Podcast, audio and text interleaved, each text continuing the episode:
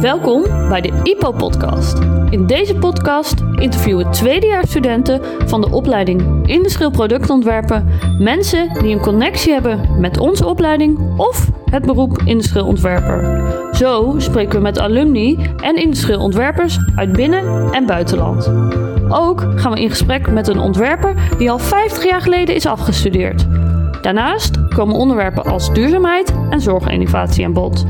Dus, heb je altijd al meer willen weten over wat een industrieel ontwerper doet? Luister onze podcast. Hallo allemaal, ik ben Angela en ik ben een tweedejaars IPO-student en ik ga vandaag Lieke en Mout interviewen. Dat zijn twee ehm, tweedejaars IPO-studenten van de Haagse Hogeschool. Deze wou ik graag interviewen om het verschil tussen onze scholen bekend te maken. Hey Mout, kan jij jezelf voorstellen? Nou, hoi, ik ben Maud. En eh, in het dagelijks leven ehm, ga, spreek ik veel af met vrienden. Ik sport een beetje. En eh, ik studeer ook nog eens aan de eh, Haagse Hogeschool Industrieel Productontwerpen in het tweede jaar. Lieke, kan jij jezelf ook even voorstellen? Oké, eh, ik ben Lieke, ben 18. Ik eh, studeer ook aan de Haagse Hogeschool en ik doe industrieel productontwerpen. Ben ook tweedejaars. En ehm buitenschool kijk ik Netflix, spreek ik af met vrienden. En Dat is het wel een beetje. Nou, eh, ik heb nu een paar vragen over jullie opleidingskeuze. Waarom hebben jullie gekozen voor de IPO? Nou, IPO is een hele creatieve studie. En ik ben zelf ook heel creatief. En ook vind ik het leuk om eh, dingen te ontwerpen en over van alles na te denken hoe het ontworpen is. Lieke, eh, heb jij nog een specifieke keuze hiervoor gemaakt? Eh, nou, ik was op zoek naar een creatieve studie en iets waarbij je veel technisch bezig kon zijn. En eh, ik vond dat wel wel daarbij paste. Hebben jullie ook nog naar andere scholen gekeken dan de Haagse Hogeschool die IPO geven? Nee, ik heb zelf alleen maar eh, in Den Haag gekeken en niet op andere scholen. En wat was de keuze van jou dan om alleen maar voor Den Haag te gaan? Had je gelijk het gevoel dat je daar goed zat? Of Ehm, nou, dit was de kortste reisafstand. En ik heb wel naar andere opleidingen gekeken, maar IPO leek me de beste opleiding. Oké. Lieke, heb jij nog bij andere scholen gekeken? Eh, ja, ik eh, ben bij Rotterdam bezig proefstuderen. En hoe vond je dat proefstuderen? Eh, ja, ik vond het op zich wel leuk, want dat was mijn eerste kennismaking met überhaupt de IPO-studie. Dus toen, daardoor wou ik het wel gaan doen. Maar wat was de reden waarom je toch voor Den Haag bent gegaan en niet voor Rotterdam? Ehm, de reisafstand was een stuk korter. En de Haagse Hogeschool is wat groter en ik vond dat wat fijner. Oké. Nu zitten jullie in het tweede jaar van jullie opleiding. Zouden jullie, als jullie nu eh, mochten, mogen kiezen, nog steeds voor deze opleiding kiezen en waarom? Eh, ja, ik vind het een hartstikke leuke studie. Het gaat ook heel erg goed. En ehm, ik heb het heel erg naar mijn zin. En kan je dan ook beschrijven waarom je het zo erg naar je zin hebt? Wat maakt deze opleiding echt een opleiding voor jou? Nou, ik vind het gewoon leuk om eh, over van alles na te denken, hoe dingen zijn gemaakt. En gewoon nieuwe dingen te ontwerpen. Vind ik heel leuk. Oké. En Lieke? Ehm, ja, ik eh, ben heel erg blij met deze studie en ik eh, heb het erg naar mijn zin hier. En eh, ik vind het ook erg leuk om met mijn handen bezig te zijn en zo. En dat merk ik wel dat ik dat heel veel doe bij deze studie. Dus eh, dat vind ik eh, fijn eraan. Oké, duidelijk. Dan heb ik nu nog wat vragen over het toelaten en het afvallen bij jullie opleiding. Want toen ik aangenomen werd, ehm, was mijn opleiding um, numerus fixus. Dat is inmiddels niet meer zo. Eh, maar er wordt nog steeds maar rond de 100, 120 volgens mij aangenomen. Hoe zit het bij jullie?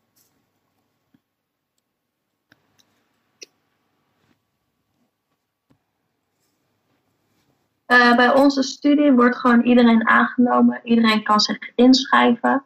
Eh, vorig jaar zijn er wel rond de 120 of zo aangenomen.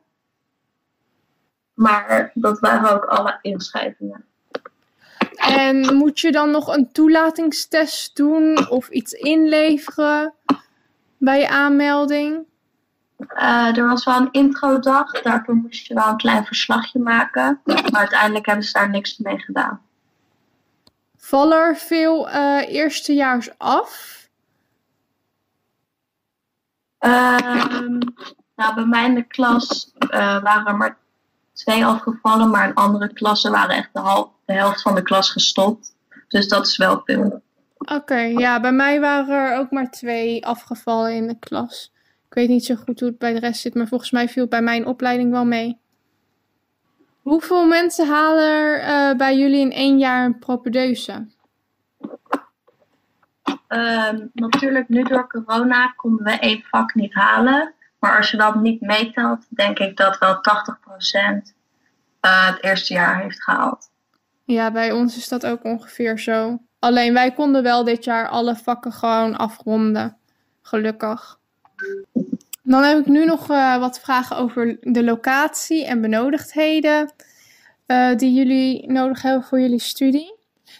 Um, hoe zijn de praktijklokalen bij jullie? Hoe zien die eruit? En zijn die gewoon op jullie gebouw zelf? Want wij hebben voor, bijvoorbeeld RDM.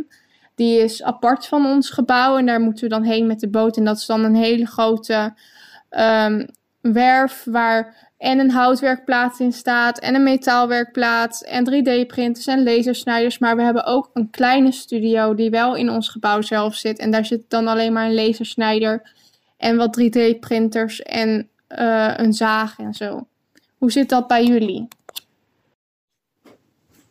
Uh, we hebben een ruimte waar 3D-printers staan. En we hebben een ruimte onder onze studio waar de werkplaats is. En daar staan ook de houtbewerkingsmachines.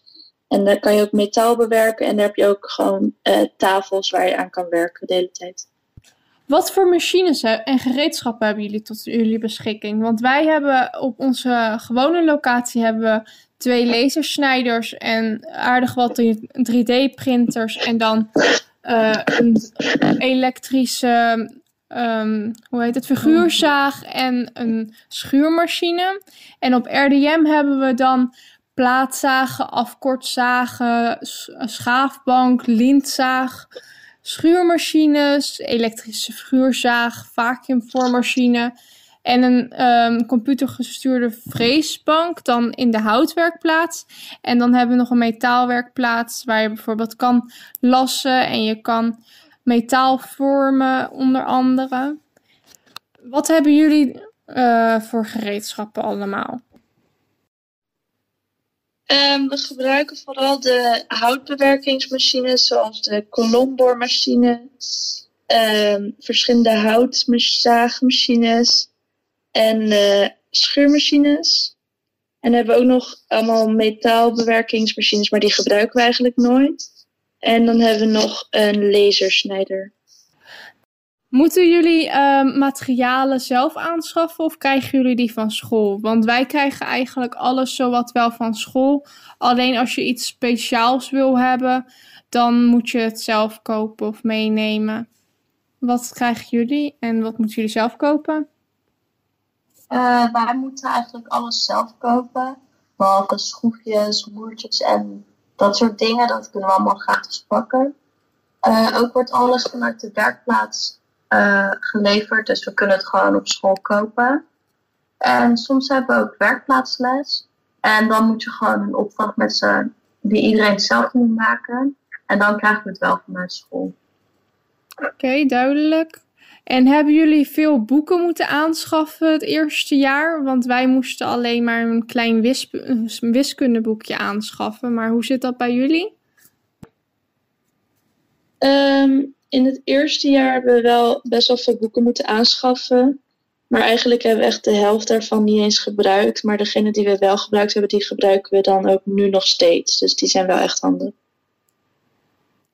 Dan heb ik uh, nu een aantal vragen over de inhoud van de studie zelf. En dan komt nu een hele belangrijke vraag wat mij betreft. Hoe is de sfeer in jullie, op jullie studie? Uh, de sfeer bij ons op de studie is heel erg goed. Vanaf het begin van het jaar hebben we een heel leuk vriendengroepje waarmee we omgaan. Voor de coronatijd gingen we ook altijd leuke dingen doen met z'n allen. Alleen nu kan dat helaas niet. Hebben jullie ook nog een introductieprogramma voor de eerstejaars? Want dat uh, heeft mijn opleiding niet. En dat is wel echt iets wat ik denk wel gemist heb, omdat je dan elkaar nog niet kent en je komt dan gelijk op de opleiding en je moet in, met elkaar samenwerken, maar je kent elkaar eigenlijk nog helemaal niet. Hoe zit dat bij jullie? Uh, ja, wij hadden wel een introductiekamp. En dat gingen we een paar dagen met z'n allen naar een huisje toe. En uh, dat was wel heel erg fijn, want daar leerde je iedereen echt heel goed kennen. En daar hebben we ook best wel veel vrienden aan overgehouden. Ook hadden we een introductiedag op school en daar leerden we meer de studie zelf kennen. Maar nu met corona was er natuurlijk geen kamp en zo. Dus ik denk dat de eerstejaars wel een hele andere sfeer hebben daardoor. Maar ja. Wij hebben nu sinds dit jaar buddygroepjes met de eerstejaars als tweedejaars zijnde. En dan ga je um, gewoon de uh, eerstejaars een beetje mee begeleiden. En dan kunnen ze vragen aan je stellen en kunnen ze met je vragen bij je terecht. Hoe zit dat bij jullie? Hebben jullie als tweedejaars contact met de eerstejaars? Uh, uh, wij hebben zelf geen contact met de eerstejaars, maar stel je moet een vak kansen en dat moet bijvoorbeeld in groepjes, dan kom je wel in contact met eerstejaars. Sommige mensen kennen mensen van het eerste jaar en dan heb je ook contact mee, maar wij voor de rest niet. Heeft jullie school ook een studievereniging? Want wij hebben EPS en die organiseert gewoon maandelijks activiteiten. Hoe zit dat bij jullie? Uh, ja, we hebben de studievereniging via Forma. En normaal gesproken organiseren die borrels en feestjes en zo. Maar nu met corona merk ik eigenlijk niet heel veel van dat er een studievereniging is. Volgens mij organiseren ze nog wel online dingen. Maar niet veel mensen gaan daar volgens mij heen. Hoe ziet jullie studieprogramma eruit? Want bij ons heb je eerst twee jaar gewoon project en je lessen. En dan het derde jaar ga je een half jaar op stage. En doe je het andere, uh, andere half jaar gewoon weer je lessen en weer project.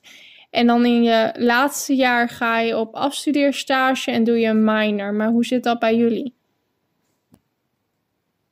Uh, in het eerste en tweede jaar hebben we, hebben we in elk jaar vier blokken van tien weken. En daar volgen we verschillende vakken. Elk blok zijn het of een paar dezelfde vakken, maar meestal verschillende vakken. En dan in de derde doe je, ga je een stage doen en een minor. En dan in de vierde doe je een afstudeerstage en ook weer een minor. Hoeveel uh, stages doen jullie in totaal door je hele studie heen? Want wij doen er uh, twee. Dan je stage in de derde en je afstudeerstage. Hoe zit dat bij jullie? Um, wij hebben ook twee stages. We hebben dan het afstudeerstage. En uh, in de derde hebben we ook een stage. En dan kan je kiezen tussen of één lange van een half jaar. Of je kan er twee verschillende doen van allebei een kwartaal. Wordt er door jullie uh, school een stageplaats aangeboden of moeten jullie die zelf zoeken? Want onze school is het zo dat je gewoon een lijst krijgt met uh, bedrijven waar eerdere leerlingen stage hebben gelopen. En dat je ook gewoon andere stageplekken mag zoeken. En dat je wel um, toestemming moet vragen aan je coach. Maar hoe zit dat bij jullie?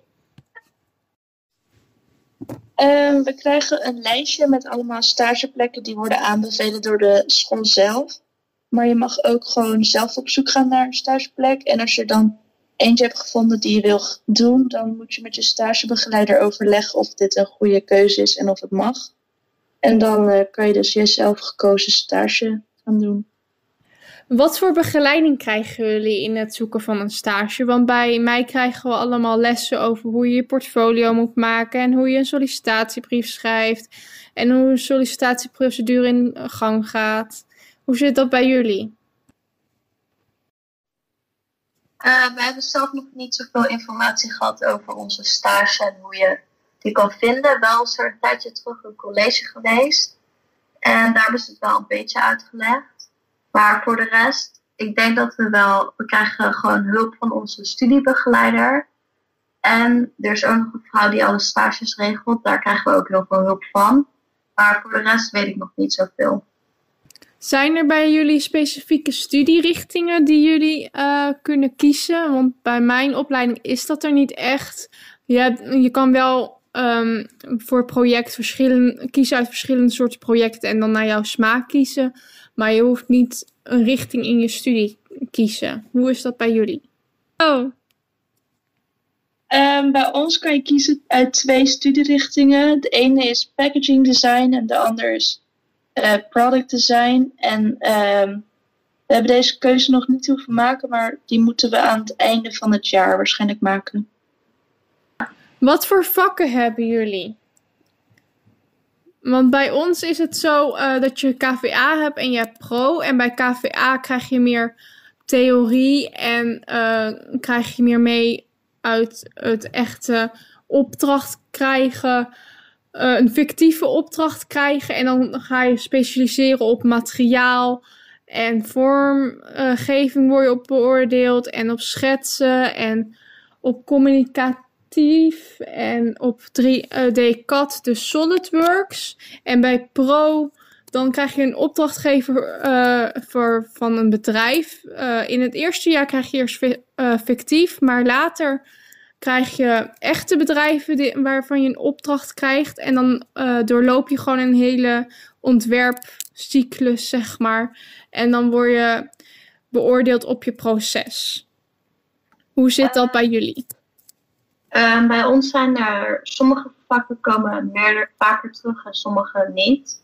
We hebben het eerste jaar hebben we bijvoorbeeld heel veel wiskunde gehad, construeren, eh, PVS, dat soort tekenen, TPD hebben we heel veel gehad.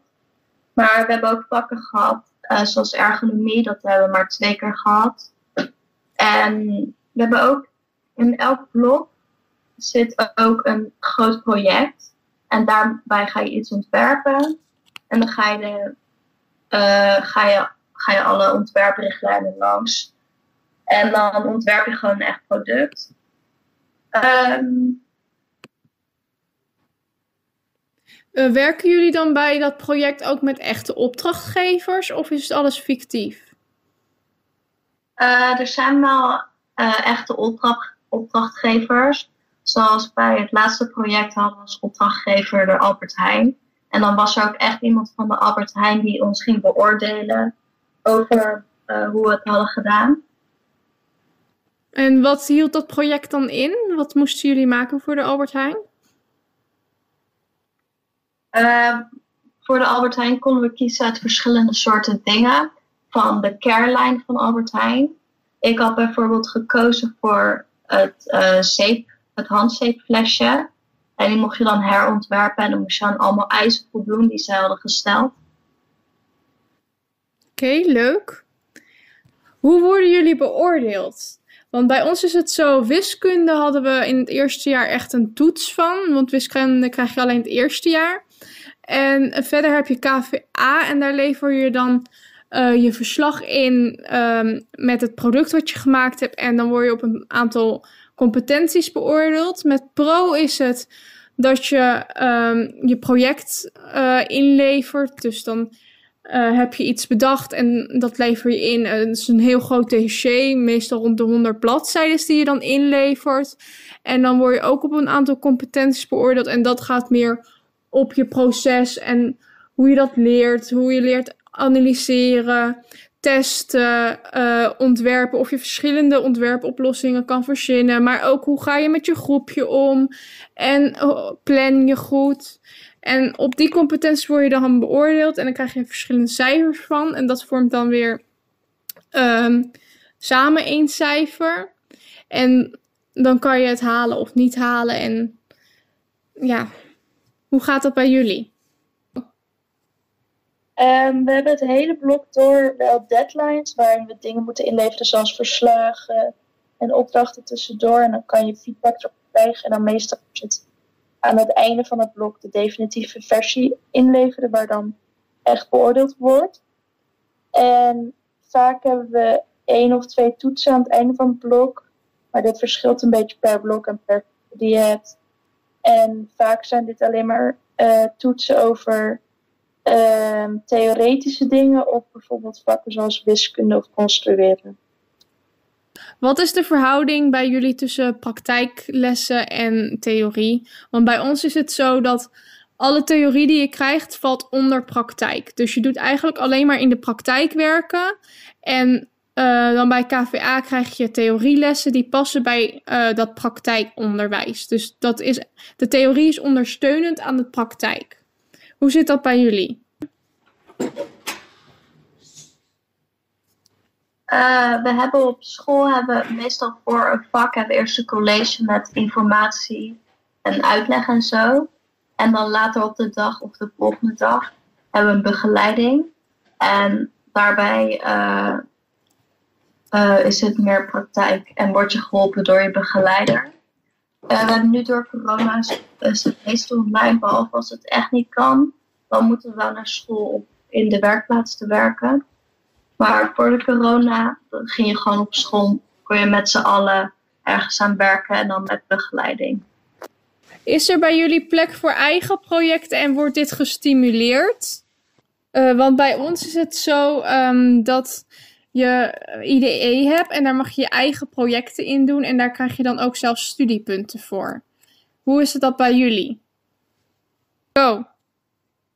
Um, meestal kan je bij projecten wel een beetje kiezen voor een eigen project als je dat overlegt met de begeleider, maar het moet altijd wel een beetje te maken hebben met het project, zoals alle eisen moeten nog steeds eraan voldoen. Dus als het bijvoorbeeld met elektronica gemaakt moet worden, dan moet dat ook bij je eigen project zo zijn. En bij je minor kan je als het goed is wel kiezen voor een eigen project. En dan kan je het wel helemaal zelf bedenken als het goedgekeurd wordt. Oké. Zijn er nog verbeterpunten aan jullie opleiding? Of hebben jullie zoiets van, het kan niet beter? Um, nou, heel veel dingen zoals hout of schuim. Dat moeten we allemaal zelf kopen in de werkplaats. En dat is ook verplicht om te kopen. Dus ik vind wel dat we dat ja, gratis of zo kunnen maken. Want het wordt allemaal wel heel duur. En ook zijn sommige, opleid uh, sommige opdrachten uh, heel erg onduidelijk. Dus je moet gewoon een beetje zelf verzinnen hoe het moet. En tenslotte heb ik nog een vraag. Waar, met welk project zijn jullie nu bezig? Um, dit project was wel anders dan normale projecten, want deze was iets kleiner. Maar wat moesten doen, we moesten uit een van de volgende dingen, zoals een elektrische perforator maken, een eethulp voor mensen die niet uh, goed zelf kunnen eten, of bijvoorbeeld uh, geen armen hebben. Um, en je kon kiezen uit een, een robot die een coronatest deed, of je kon een eigen project kiezen. Wij hebben allebei gekozen voor de elektrische perforator. En wat je dan moest doen, is je moest een bestaande perforator nemen en dan moest je daar een constructie omheen maken, zodat het uh, elektrisch kon. En dan moest je gebruik maken van motortjes en andere componenten. En dit project was wel heel anders dan de andere, dus dat was ook wel interessant om dan daar meer over te leren. Oké, nou heel erg bedankt voor dit interview. Dit was het interview en uh, luisteraars, bedankt voor het luisteren.